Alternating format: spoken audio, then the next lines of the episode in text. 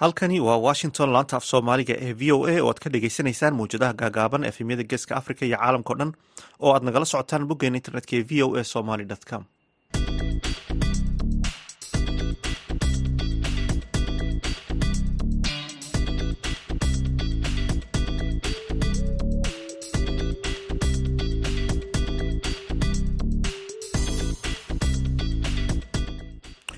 duhur wanaagsan dhegeystayaal waa maalin isniin ah. Bisha disembarna waa koob iyo toban sanadka labada kun saddex iyo labaatanka.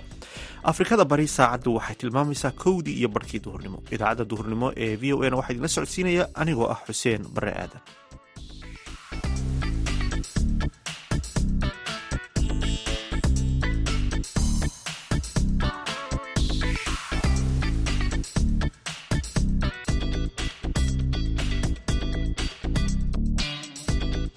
qodobada aad ku maqli doontaan idaacadda duhurnimo ee dhalinyarada maanta waxaa ka mid ah wararkii ugu dambeeyey xaaladda magaalada beledweyne oo afar toddobaad ka hor ay ku dhufteen daadad xoogan oo sababay dhimasho burbur iyo barakac guryihii kuma soo laabanayaan laakiin guryihii qiimeynayaan maadaama fatahaadii ay ka laabatay bal guryihii wax gaaray. Guryo fara badana sanadkan ku burburay fatahaadda maadaama ay ka badneed tii hore oo dadka qaarkood markaa la sheekaysatana waxay kuu sheegaan inay biyahan ay yihiin kuwa aada u badan oo soddonkii sana ugu dambeeyey aanan beledweyne aana lagu arkin fatahaaddu ay soo bixi jirtay.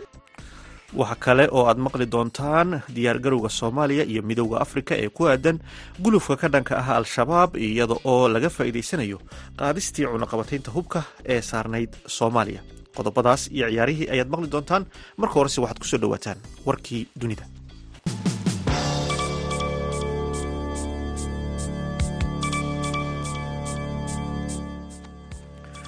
wararka ka imanaya marinka khaza ayaa sheegaya in duqaymo xoogan oo ciidamada israa'iil iyo dagaalo u dhexeeya ciidamada israa'iil iyo xamaas ay ka socdaan deegaano kala duwan oo ka tirsan marinka. Sidaa ay ku warantay wakaaladda wararka reuters taangiyada israa'iil ayaa isku dayey inay gudaha u galaan magaalada khan yunis halkaas oo ciidamada israa'iil ay kula dagaalamayaan guutada al qasaam ee garabka hubaysan ee dhaqdhaqaaqa xamaas wakaaladda wararka ee france press ayaa sidoo kale sheegtay in duqaymaha israa'iil ay weli ku hayaan magaaladaasi oo ku taalla koonfurta marinka khaza dhaqdhaqaaqa jihaad al islaami ayaa dhankiisa isaguna ku dhawaaqay in dagaalyahanadoodu ay dagaal adag kula jiraan ciidamada israa'iil ee ku sugan magaalada khaza iyagoo xusay in ay qarxiyeen guri ay askarta israa'iil ka baadhayeen meel marin ah oo dhulka hoostiisa mara wasaaradda caafimaadka ee khaza ayaa shalay ku dhawaaqday in tirada guud ee dhimashada duqaymaha israa'iil ee marinka oo socday in ka badan laba bilood ay gaadhay sideed iyo toban kun oo qof guutada kataa'ib ulqasaam ayaa dhankeeda sheegtay in siddeed iyo afartankii saacadood ee la soo dhaafay ay dileen afartan askari oo israa'iili ah siday hadalka u dhigeen. Wakaaladda wararka faransiiska oo soo xiganaysa ciidamada israa'iil ayaa sheegtay in tirada dadka ku dhintay tan iyo markii uu bilowday howlgalka dhulka ee khaza ay gaadhay boqol iyo kow qof sida ay sheegeen xogeyaha arrimaha dibadda ee maraykanka antony blinken ayaa difaacay rabitaanka maamulka biden ee ah in afar iyo toban kun oo madaafiic cusub oo laga iibiyo israa'iil kuwaas oo ku kacaya boqol iyo lix milyan oo dollar isaga oo aan dib ugu soo laaban ama aan kala tashan koongareska. Blinken ayaa waraysiyo uu siiyey telefishinada a b c iyo c n n ee dalkan maraykanka waxa uu ku sheegay in maraykanku uu doonayo in uu xaqiijiyo in israa'iil ay haysato waxa ay u baahan tahay si ay isaga difaacdo dagaalka ay hadda kula jirto xamaas waa sida hadalka u dhigay. Jimcihii wasaaradda arrimaha dibadda ee maraykanka waxa ay adeegsatay ku dhawaaqida deg dega ah ee sharciga xakamaynta dhoofinta hubka si ay islamarkiiba u gaadhsiiso madaafiicda taangiyada israa'iil. Madaafiicda ayaa qayb ka ah xidhmo weyn oo ay ku jiraan shan iyo afartan kun oo madaafiicda taangiyada ah oo qiimahoodu ka badan yahay shan boqol oo milyan oo dollar. Intaasna dhegeystayaal waxaa idil warkii adduunka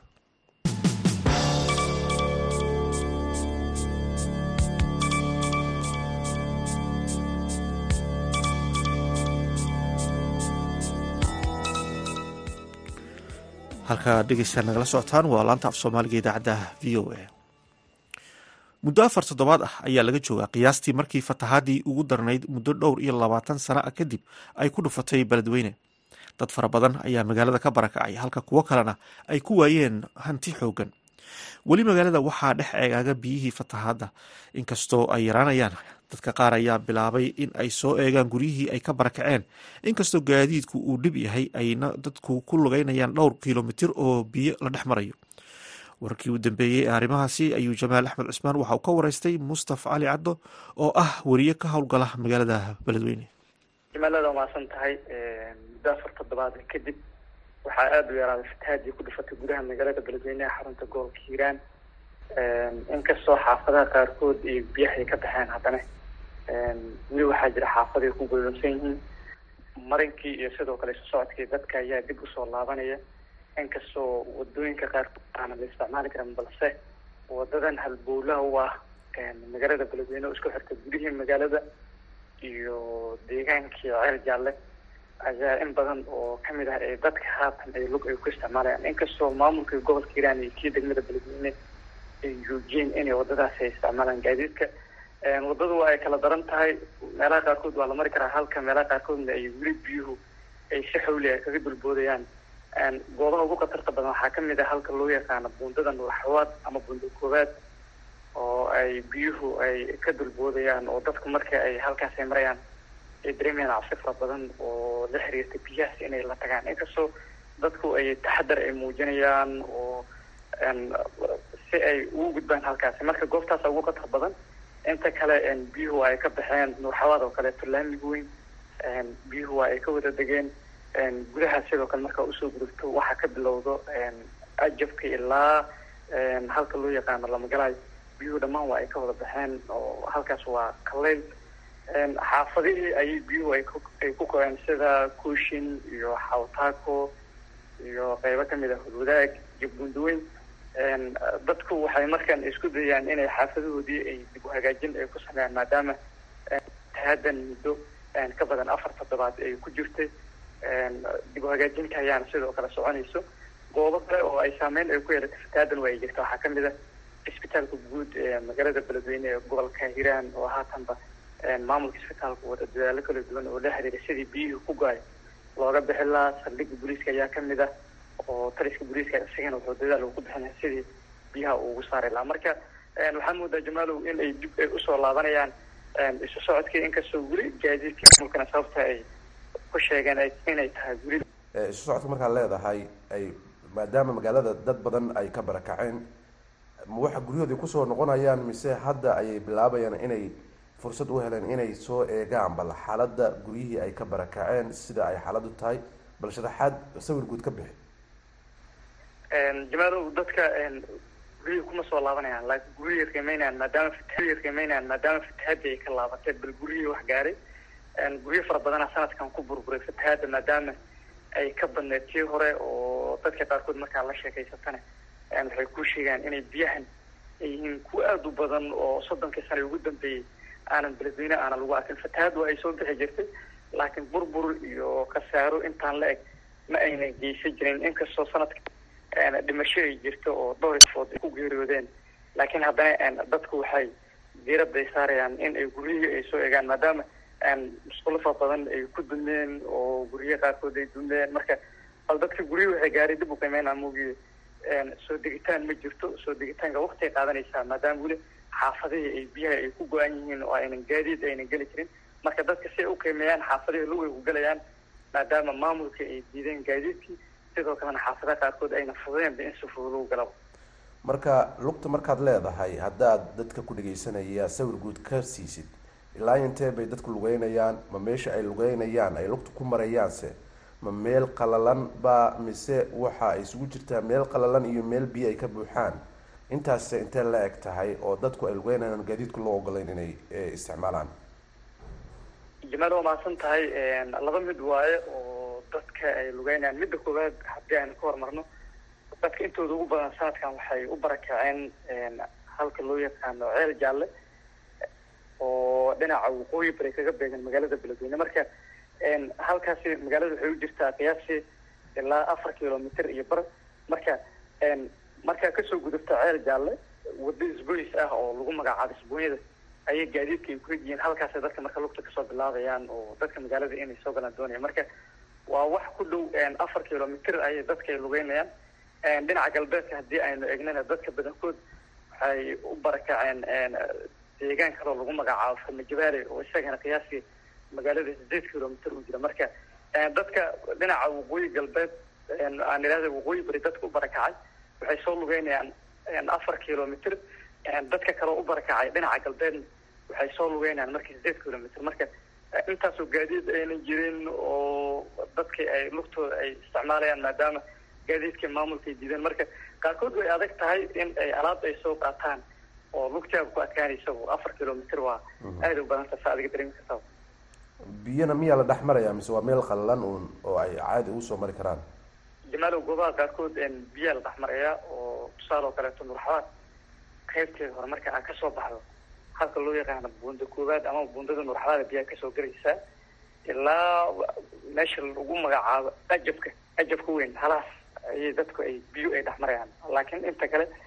laamigu biyo waa ay ka wada degeen waa ay qalalan yihiin laakiin laamiga haddii aad dhinacan kuushin aad ugu degtana biyaa gelaysaa dhinacan kale waxaa taaka haddii aad ugu degtana biyaa gelaysaa. Sidaas si la mid a xaafadda wadaag biyo ay ka wada baxeen halka loo yaqaano heegan iyo ilaa inkastoo iyagana sidaas si la mid a ay ku goyaan oo laamiga kalena sidoo kale kalalan xaafadaha laakiin biyaha kugaan aada ayuu mahadsan yahay mustafa cali cadow oo ah wariye ka howlgala magaalada beledweyne oo u waramayey wariyaha v o e da jamaal axmed cusmaan. Halkaad kala socoteenna waa laanta af soomaaliga ee v o a markana dhegeystayaal ku soo dhawaada mid ka mid a heesaha aan idinku talagalnay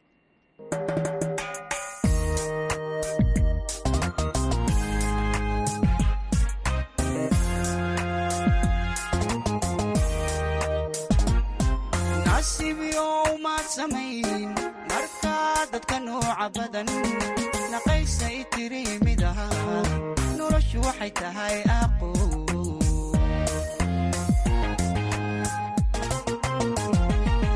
nasiib yahow maad samayn markaa dadka nooca badan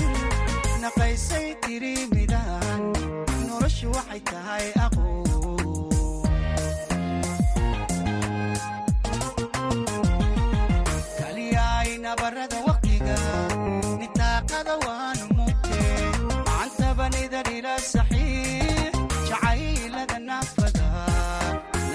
nabiibkiyo xaasilka u noqon maayo ogo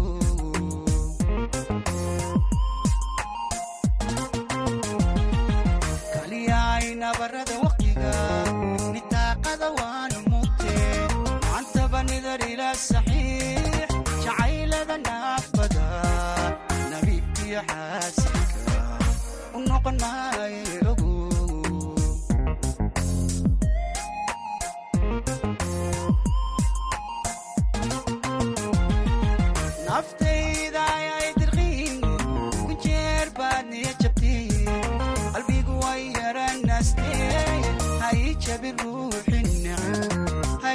hay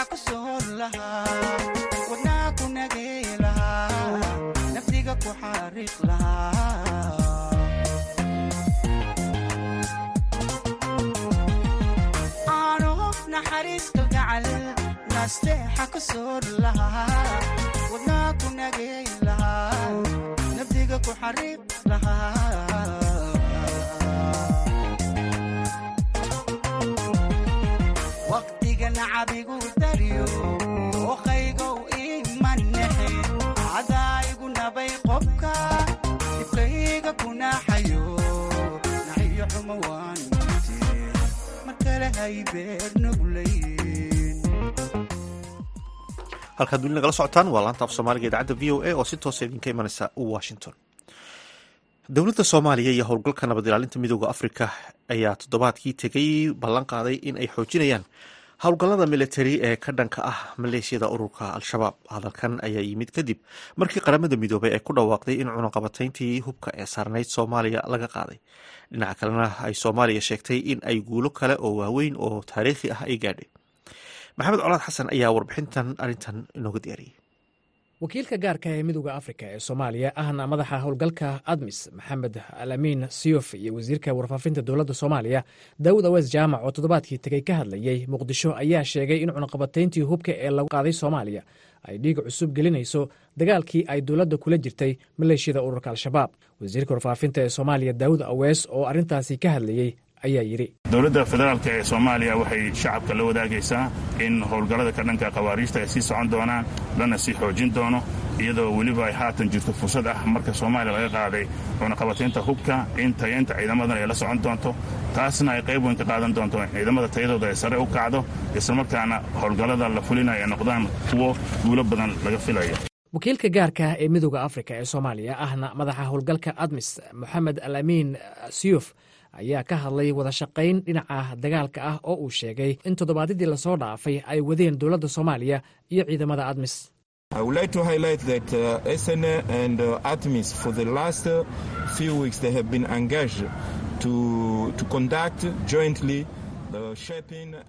Waxaan rabaa in aan hoosta ka xariiqo in ciidamada soomaaliya iyo admis ay toddobaadyadii u dambeeyey si wada jir ah ay u wadeen howlgallo ka dhan ah al-shabaab gaar ahaan meelo howd ah oo ay al-shabaab ku dhuumanayeen. Waxaa kale oo aan aaminsanahay in go'aankii cunaqabataynta looga qaaday soomaaliya uu fursad dahabi ah siinayo si ay u hesho awoodda ay u baahan tahay si ay u sii wiiqdo awoodda al-shabaab. Ugu dambayntiina ay uga takhallusto.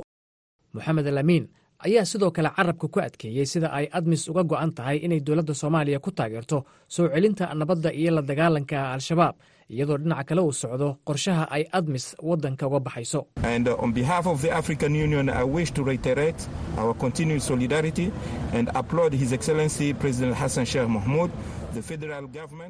Anigoo ku hadlaya magaca midooda afrika waxaan rabaa inaan ku celceliyo sida aan u garab taaganahay oo aan u bogaadinayo madaxweynaha soomaaliya xasan sheekh maxamuud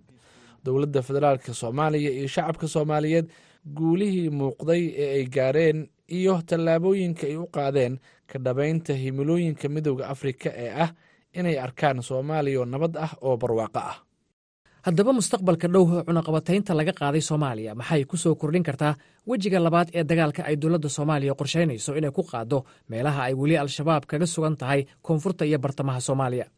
ismaaciil daahir cusmaan waa taliyo xigeenkii hore ee hay'adda sirdoonka qaranka ee nisa waxaana uu ka faalloodaa arrimaha ammaanka iyo siyaasadda soomaaliya. Waa ku salaamaya colaad adiga dhammaan dhegeystayaasha v o o dhan. Waa su'aal muhiima meesha ku jirta balse cunaqabataynta laga qaaday hubka soomaaliya faa-iidada dhow waxay noqonaysaa in sida ugu dhaqsaha badan leh ay ku helaan ciidanka qalabka sida agabka ay u baahan yihiin oo qaadan jiray bilooyin maadaama looga baahnaa ruqsad qaramada midoobay iyo hay'adaha kale ee cunaqabataynta maaragtay ka shaqeynayay. Balse taas ayaa hadda meesha ka baxayso haddii rasaas loo baahan yahay waxaa laga yaabaa in meeshii ay bilooyin laba bil saddex bil ka qaadan jirtay hadda lagu helo maaragtay usbuuc gudihiisa marka waxay soo dadejinaysaa agabka ay u baahan yihiin ciidanka inay ku helaan sida ugu dhaqsaha badan. Ismaaciil ayaa qaba in cunaqabataynta hubka ee laga qaaday soomaaliya ay dhaawac niyadeed u geysan karto al-shabaab suurtagalna ay tahay inay si weyn u saamayso awooddeeda furimaha dagaalka. Waa mahadsantaha mar kale colaado. Waa su'aal muhiima meesha ku jirta ee cunaqabataynta laga qaaday ciidanka qalabka sida iyo dowladda soomaaliya guud ahaanba. Waa run waxay ku tahay moral jab ama niyad jab weyn ayay ku tahay cadowga qawaariijta ee al-shabaab sababtoo ah ciidankeena ayaa maaragtay heli kara hadda agab walba oo ciidan ay u baahan yihiin hub yar iyo hub culus intaba ogaanshaha ay ogaanayaan taas laftarkeeda ayay niyad ahaanba maaragtay aad aada uga niyad jabayaan kooxdan qawaariijta maaragtay al-shabaab. Waxay kaloo moraalka ama niyadda ay kor u qaadaysaa ciidankeena qalabka sida oo marka hore dabranaa oo xirxirnaa laakiin hadda xargihii ay ka furteen oo heli kara qalab walba wax walba ay u baahan yihiin hadday noqon lahayd hubka yar iyo hadday noqon lahayd hubka culculus intaba waxaa kaloo intaas ka sii muhiimsan colaado oo muhiim ah oo ciidankeena qalabka sida inta badan ka maqnaa agabka loo isticmaala sirdoonka oo aanan haysan oo ay ahayd inay aada u adkeyd inay soomaaliya hesho. Haddase ay heli karto inay suuqyaha adduunka tagto ay ka soo iibsato qalab walba ay u baahan tahay lagu ogaado maaragtay cadowga gudaha iyo dibadda intaba dhinaca sirdoonka marka waxyaaba faa-iidooyin badanaa ku jira cunaqabateynta hubka soomaaliya laga qaaday tanna waxay u tahay niyajabka ugu weynaa oo soo gaara kooxda khawaariijta ee al-shabaab. Dhinaca kale dowladda soomaaliya ayaa waxaa dagaalkan ku sii dhiirigelinaya guulihii siyaasadeed ee ay dhowaan dowladdu gaartay. Waxaa kaloo jira tallaabooyin qayb ka ah dadaalka dowladda soomaaliya ay ku doonayso inay ku sii dardargeliso la dagaalanka al-shabaab oo ay muddo toddobaadyo gudahooda qaaday waxaa ka mid a kulan uu madaxweynaha soomaaliya kula yeeshay muqdisho khubaro militari oo turki ah. Kulan arrimaha ammaanka iskula soo qaadeen oo uu madaxweynaha kula yeeshay dalka jibuuti dhiggiisa jibuuti ismaaciil cumar geele heshiis dhinaca iskaashiga ammaanka ah oo wasiirka gaashaandhigga soomaaliya adis ababa kula saxiixday ethoobiya waxaa kaloo maalinta talaadada ah ee labiyo tobanka bishan lagu wadaa inuu magaalada new york ee dalkan maraykanka uu ka dhaco kulan caalami ah oo looga hadlayo amniga soomaaliya iyo sida caalamku uga taageeri karo militariga soomaaliya dagaalka ay dowladdu kula jirto al-shabaab isla toddobaadkan. Saddex tobanka bishan waxaa magaaladan washington ka dhacaya munaasabad looga hadlayo guulaha dhinaca hanaankii deyn cafinta ay ka gaartay soomaaliya halkaasoo lagu wado in si rasmiya loogu dhawaaqo bilaabashada deyn cafinta soomaaliya. Haddaba guulahaas ay dowladdu gaartay maxay uga dhigan tahay wejigii dowladnimada soomaaliya ee indhaha caalamka? Waxaan su'aashaas weydiiyey cabdulkhafaar cabdi wardheere oo ah aqoon-yahan bartay cilmiga iskaashiga caalamiga ah kana faallooda arrimaha soomaaliya iyo maraykanka. Colaad arrimahaas aad taabatay dhammaan waxay u taagan yihiin wax wax ka bedel weyn oo soomaaliya soo wajahay weeye horumar zaa'ida bay tilmaamayaan waana kala qaadi karnaa oo hadda haddaynu mid mid u eegno waxa weeye masalan qaadista cunaqabataynta hubka waxa weye qodobka ugu weyn oo ay keentay waxa weye horta sovereigntygi ama madax banaanidii soomaalida bay u taagan tahay marka laga reebo dhanka farsamada iyo in soomaalidu dowladdeedu ay isdifaaci karto oo hub ay keensan karto oo la diriri karto dadka caqabada ku ah horumarka iyo nabadda soomaaliya oo argagixisada ugu horeyso marka taas waxa weeye labadaas qodobba horta muhiim bay u tahay oo sovereigntygi dalku markuu cidduu rabo hub ka soo gadan karo oo sidii qarankii u dhaqmo oo uu hubkiisa isagu istikhyaar u leeyahay muhiimadaas horta way leedahay. Arrinta cunaqabatayntu in la qaadaa waxay muhiim u tahay run ahaantii dadkuna inay fahmaan loo baahan yahay. Waa dhammaystirkii dowladnimada bay aasaas u tahay wax badanna waxay u fududaynaysaa inay markaas nimankii ay ka xoog roonaato. Waa garta. Cabdikafaar ka waran arrinta deyn cafinta oo kale. Middan kale oo deyn cafinta muddo dheer bay soo socotay sidaad ka warqabto sanado badan bay qaadatay wejiyo badan bay qaadatay ilaa iyo i m f ta iyo well bankiga iyo ay soomaalida iyo ititibinayeen oo la gaarsiinayay meesha ay hadda gaartay. Taas macnaheedu waxaa weeye in la helo sectoriska ama meelaha la rabo in la geliyo dhaqaalaha in in dowladdu ay uga faa'iidaysato deynta cusub oo ay qaadanayso deeqduna waa u furmaysaa. Xitaa waxaa dhici karta in hay'adaha caalamiga iyo dalalku ay dowladda la galaan waxa la yidhahda bilateral relations oo xitaa dowladda lafteedu ay dowlado kale heshiisyo kale iyo la saxiixan karto. Marka deyn cafintu albaabo badan bay furaysaa. Ma aha in dowladda soomaalidu ay deyn iska soo xambaarsanaysa maaha waxa weeye waa inay barnaamijyo dhan oo qoran oo la soo daraaseeyey inay wadato weeye oo markaas ay adduunka kula macaamiltanto deyntaasna la geliyo maaragtay kaabayaasha dhaqaalaha iyo waxbarashada iyo caafimaadka iyo waxyaabahan kale oo jidadka iyo khayraadka dalka lagu soo saaro. Waxaasoo dhan dowladdaa la rabaa sidii ay u maarayn lahayd inay samayso. Waa gartay. Marka si guulaha la gaaray loo sii xajiyo oo hore loo sii socdo maxaa la tala ahoo la gudboon madaxda soomaalida markan? Waxaa aniga ay labada shay oo iigu muhiimsan waxaa weeye kow in bal horta soomaalida siyaasiyiintooda iyo madaxdu ay siyaasadda qaboojiyaan oo dejiyaan oo la yidhaahdo war markaan saddex sano afar sano shan sano soo socota wakhtiga dhow aynu dejinno prioritigii iyo wixii aynu focuska saari lahayn ama aynu hortabinta u yeeli lahayn sida waxyaabaha dowladdu ay visionkeeda sida ay u aragto. Siyaasiyiintuna ay khafiifiyaan oo ay siyaasadda qooshan inta ka daayaan ay ku barbar wadaan in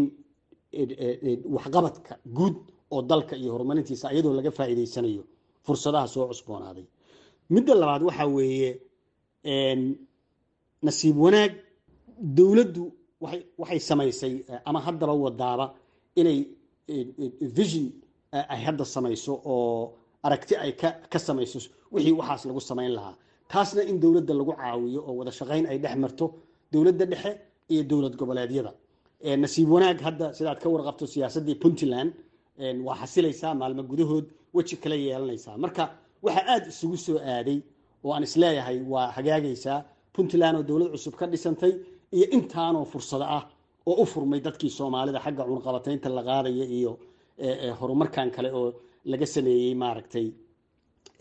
east africa marketka iyo waxaasoo dhan in markaa isla shaqayn iyo coordination gacmaha ay soomaalidu isqabsato oo balmar siyaasadda inta la khafiifiyo xoogga la saaro horumarkeena iyo sidii dalka dhaqaalihiisa iyo khayraadkiisana loo soo saari lahaa loona horumarin lahaa iyadoo la isticmaalayo hantida cusub oo imaanaysa ama deyn ha ku timaado ama deeq ha ku timaadee dadka wax ayaa qaba haddii madaxda soomaaliya ay sii xajiso guulaha ilaa iyo hadda la gaaray shacabkuna ay garab istaagaan dowladda soomaaliya sidii dalka looga ciribtiri lahaa ururada argagixisada. Waxa soo noqon kara mar kale qiyamkii soomaalida iyo dowladdoodu ku lahayd indhaha caalamka. Aad ayuu u mahadsan yahay maxamed colaad xasan oo inala socodsiinayey warbixintaasi. Halkaad kala socoteen waa laanta soomaaliga ee v o a.